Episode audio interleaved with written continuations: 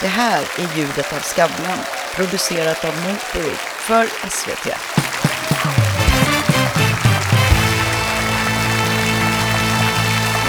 Vi ska öppna denna kvällen med en historia om handlekraft. Om hur många människors små val kan utgöra skillnaden på liv och död. Se på detta. Det var här på Onsjön som ungdomarna var ute och paddlade kanot när vädret plötsligt slog om och kanoten välte. 15-årige Leo blev liggande i det fyragradiga vattnet i över två timmar innan han räddades. Han hade då hjärtstillestånd och en kroppstemperatur på 14,5 grad. Han var ju helt under ytan med, med ansiktet. Det var ju bara flytvästen som stack upp när jag såg honom. Så det... Eh, ja, vi, men vi påbörjade ändå och, och provade att tömma dem på vatten. Sagt, inga, inga livstecken på, på den stunden som vi höll på tills vi lämnade över. Han flögs i helikopter till sjukhuset i Trondheim. Trodde du att han skulle överleva? Nej, då, eh, då var den väldigt livlös när vi tog upp honom. Helt otroligt. Linn Maria Vågberg, välkommen hit. Tack. Din, din, din, son, din son Leo han hade alltså varit på konfirmationsläger i Åre i ett dygn Mm. då du fick en telefon. Fortell om den samtalen. Jag stod i spelargången på en idrottsanläggning och eh, det skulle starta en fotbollslandskamp utanför. Så det var ganska larmigt runt mig och det var människor som sprang åt olika håll. Och så ringde telefonen och jag hörde först inte riktigt. Men till slut så hörde jag en röst som sa Sitter du ner? Och jag sa Va? Nej. Du vet, höll för örat sådär lite för att höra bättre. Linn, jag vill att du sätter dig ner för jag har ganska allvarliga saker att berätta. Och då vet jag att jag skrattade till och sa ja, men du, du kan bara tala om att han lever. Och då blev det tyst i luren. Och så upprepade jag det där.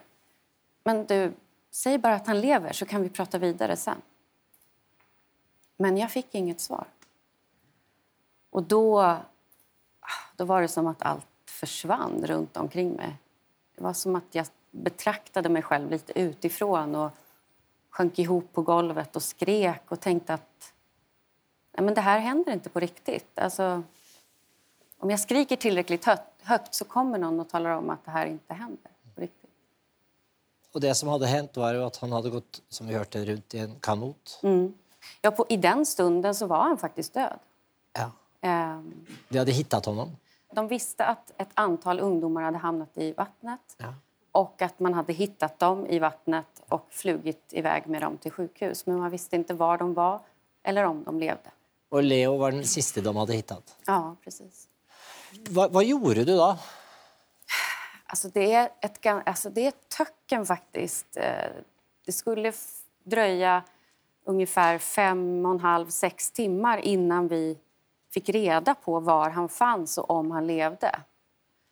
Och de timmarna är ju de absolut värsta i mitt liv. Det, det går inte att beskriva hur fruktansvärt det var att, att inte veta.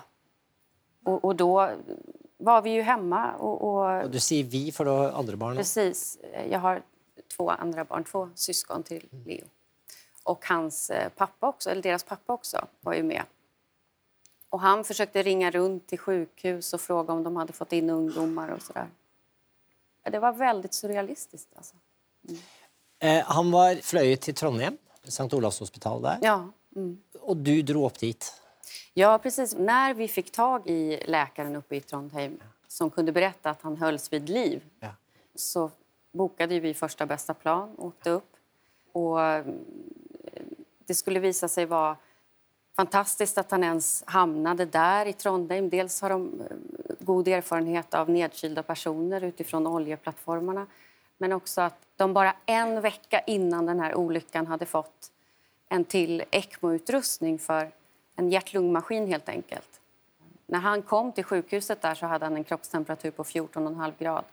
Och det visste inte jag då, vilket var tur, men, men, men eh, en man eller pojke har aldrig överlevt så låg kroppstemperatur tidigare. Men den här ECMO-utrustningen den värmer liksom långsamt upp eh, blodet så att man till slut kan försöka starta hjärtat. Så Leos hjärta stod ju still i sex timmar innan de till slut kunde få igång det. Hvordan var det for deg da å komme dit og se Leo og, og røre ved Leo gang der? Ja, det var... Det, det, det var fruktansvärt. Jag minns att jag såg honom och tänkte det är kört. Det här kommer aldrig gå.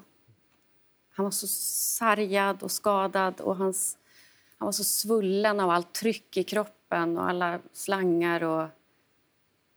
Nej, jag, jag bara föll ner i någon bottenlöshet. Kjentes han, Han var så eller kall. han levende? Nej, han var så kall. Vet, han luktade inte ens som mitt barn. Liksom. Så det, det kändes som att nej, han, han lever inte. Liksom. Han ble jo fraktet videre til Karolinska Mm. i Stockholm. Og, og i- dette var jo på ingen måte over, selv om de hadde fått i gang hjertet hans. Nej, precis. Hva sa legene der? Alltså först när de kom upp och hämtade honom så kändes det som att de skulle komma och rädda oss. Liksom. Och, och, och han sa ändå, läkaren som var ansvarig för flytten, så att säga, han sa vi skulle inte vara här om vi inte trodde att det fanns en chans. Och det betydde så himla mycket för, för mig, verkligen att höra det. När vi sen kom ner till Karolinska så var läget oerhört kritiskt för Leo. Alla organ sviktade och alltså precis allt var eh, livshotande för honom. Och efter fem dygn så gjorde man en hjärnröntgen och när vi skulle få besked från det, det var som att få ett nytt dödsbesked faktiskt. För då sa de att ja, det här ser så illa ut så att om han överlever så då kommer han inte kunna styra sina rörelser, han kommer förmodligen inte kunna prata och så. Då var det som att, att nej men då var han ju död igen på något vis. Att då, då förlorade vi honom igen. Samtidigt som han ju låg där och fanns. Men det att få den beskeden en gång till, och sen så går det ju några dagar och så ska det ju försöka väcka honom. Tolv dager, var det det? 12 dagar. Va? På Leodagen faktiskt skulle man försöka väcka honom den 28 juni. För de sa ju ändå, det var någon neurolog som tyckte att ja, men man vet aldrig med barns hjärnor, det är förunderligt ändå. Men medan vuxenneurologerna sa det här det är kört. Liksom. Hva, hva kjente du innan den dagen, altså da du visste at nå skal vi forsøke å få Jag kontakt? tänkte att jag klarar vad som helst. Bara han minns att jag är hans mamma. Det var, alltså jag, jag, kände, jag kände bara, jag klarar vad som helst. Bara han vet vem jag är när han vaknar. Kommer du ihåg liksom, den første responsen? Hva, hva, hva Oh ja, det var... Det tog ju lång tid, men... men eh, och han gick i och ur medvetslöshet och sömn och så. Men efter ett tag så flackade han med blicken och jag tänkte han är blind, han ser oss inte eller så. Men när de hade tagit bort respiratorn och han kunde andas själv och så tittade han bara på mig och så sa han Mamma, mamma, jag är så sugen på glass.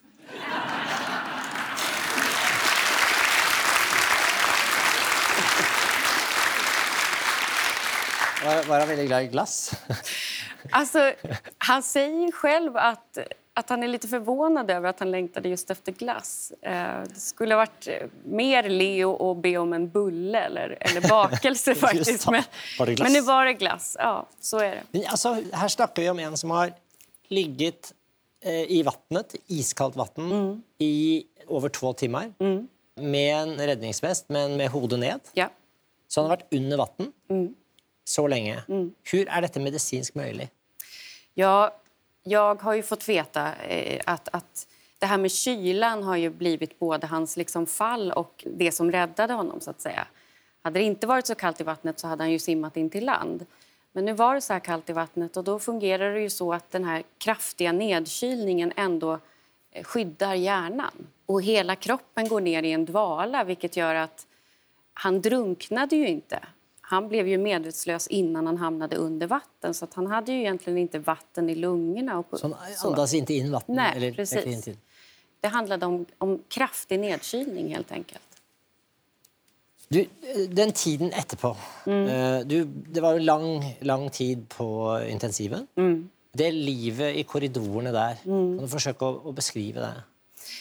Ja, nej men jag, skrivit om, om det mycket i boken också, det här att man går i korridorerna, man vet exakt hur dörrarna öppnas, hur de låter, var det luktar ifrån eh, kafeterian, vad det är för lunch som serveras. Sådär. Det är märkligt hur man som människa anpassar sig efter, efter omständigheter och ändå fortsätter på något vis rutinmässigt leva i det där.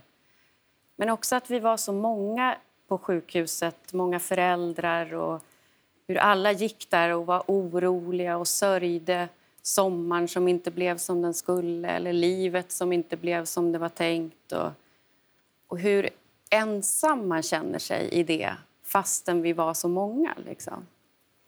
Och, det, och hur det går bra för någon och ja, inte så bra för vet, andra. Vissa fick ta sina prylar och sitt barn och åka ner med hissen och åka hem. Och vissa fick åka därifrån utan sitt barn. På något vis, det, det, var liksom den största insikten vi alla hade där på, i, i, livets väntrum på något vis. Att antingen åker vi härifrån med våra barn eller så gör vi det inte. Liksom. Du har ju skrivit om, om dessa upplevelser mm. och, och, du jobbar ju och har jobbat inom krisehantering, inom sorgbearbetning. Mm. Och är ju på ett sätt professionell, men får du brukt den professionen när det är du själv som rammas? Alltså till viss del. Jag kan säga faktiskt att det här med skrivandet, det visste jag från min profession att jag behöver formulera det här. Jag behöver berätta det här. Det är ett bra sätt det är ett bra sätt att bearbeta. Så att det var väl den största kunskapen som jag hade med mig.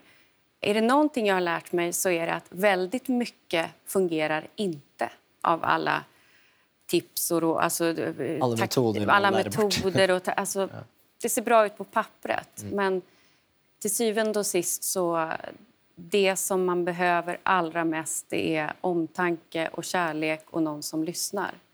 Och att få faktiskt berätta. I den, i den långa, långa tiden som gick efter olyckan, hvor, det var väldigt oavklart hur det här skulle gå, så hade du ett, ett bild av din son som mm. du hade tagit den dagen mm. han reste. Mm. Vi har det här hur kände du då du såg på det bildet? Var det, var det och innan? Liksom? Det är jättejobbigt att titta på den här bilden fortfarande faktiskt. Det var en ögonblicks, eh, ett ögonblicksinfall och jag eh, hade, vi hade redan sagt hej då och jag eh, hade gått tillbaka till bilen och så bara får jag för mig att jag ska ropa på honom och säga Leo, jag älskar dig, du kommer väl ihåg det? Och så tog jag den där bilden. Och när jag ser på det idag så ser jag så starkt i Leos ögon. Jag visste ju det då också, att han ville egentligen inte åka. Utan det var ju jag som övertygade honom om att det här skulle bli nåt härligt och bra och två veckor äventyr. Och... Så det är ju enorm skuld såklart som ligger i det. Så det är jättesvårt att För du hade pushat lite på att han skulle... Ja, men jag, jag, jag, och det vet ju jag förnuftsmässigt och Leo också. Jag, även om jag har bett om förlåtelse hundra gånger så var inte det att jag önskade min son någonting hemskt. Utan, Vi men push, det var pushar ju alla våra barn ibland. Ja, det precis. Det, det, var ändå, det var ändå jag som, som initierade det här. Och jag önskar att jag hade lyssnat mer på, på honom och på magkänslan. Du, man måste ju säga att det här är en historia med en, en otrolig slut. Ja. Leo är eh, högst uppåtgående och med oss här ikväll. Vi ska få honom in. Ja. Leo, kom, kom.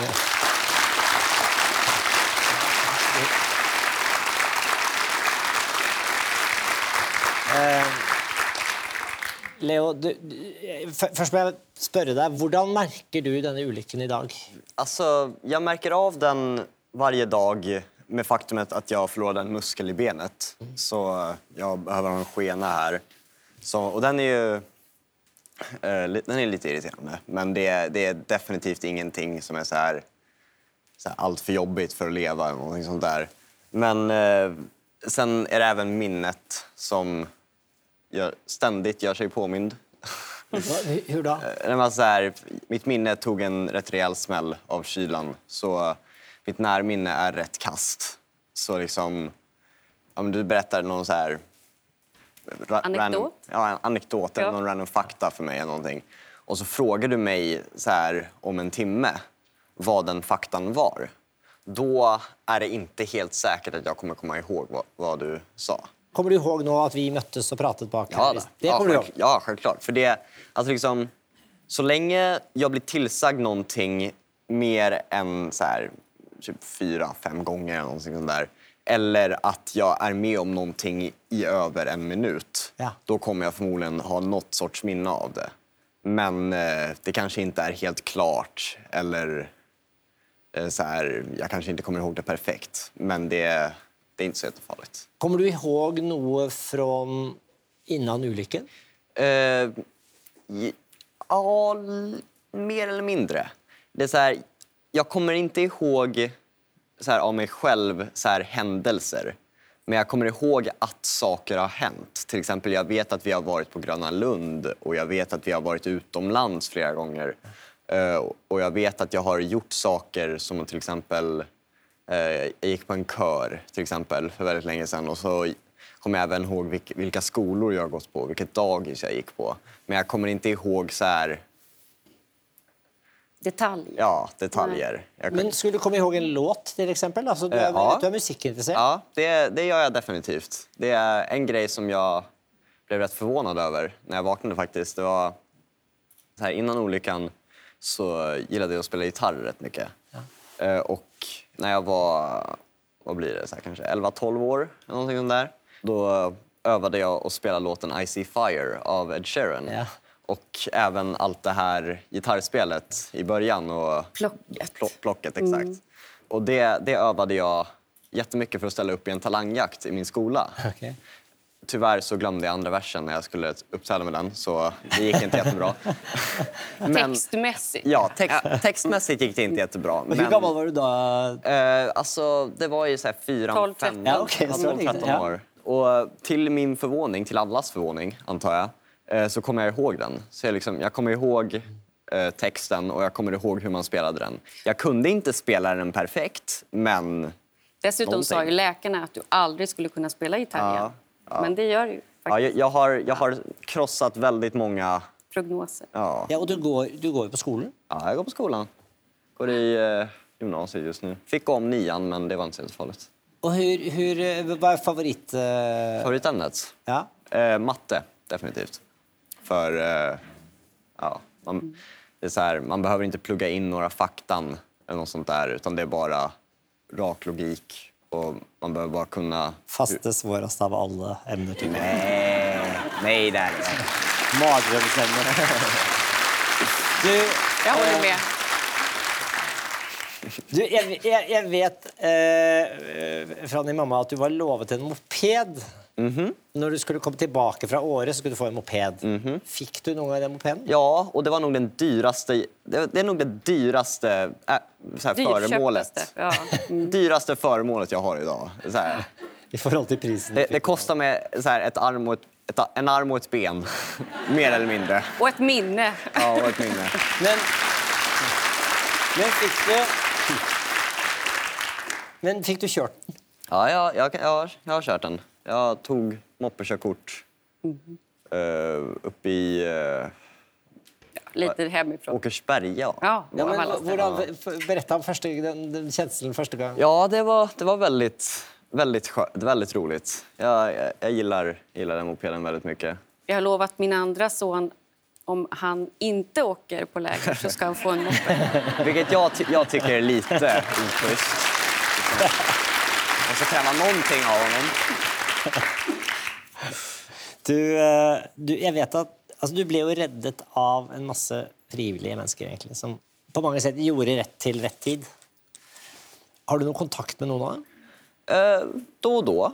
Det är, vad heter det, vi, har- vi har varit uppe till dem där och hälsat på dem. Och vi ska upp till dem i veckan faktiskt och spendera några dagar där. Och de har varit hos oss. Ja, och de har kommit hit. Vi och... försöker göra det till lite tradition och ses alldeles livslevande nu för Ja. tiden. Men det är ju, den historien handlar ju om det. Ja. Den handlar om att många människor gör det rätta till rätt. Alltså, ja, precis. Och det är ju he- det är liksom huvudbudskapet med att vi vill berätta och, och med boken också att, att ge inte upp.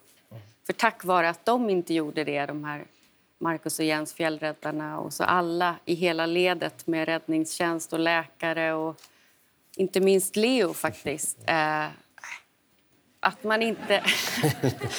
att, att, på grund av att de inte gav upp så har vi andra också följt efter och inte gett upp vi heller. Och att, att det faktiskt kan bli så mycket bättre än vad man tror. Eh, utrolig at dere kan være her, og, og jeg er veldig glad for at dere er her. Takk skal dere ha.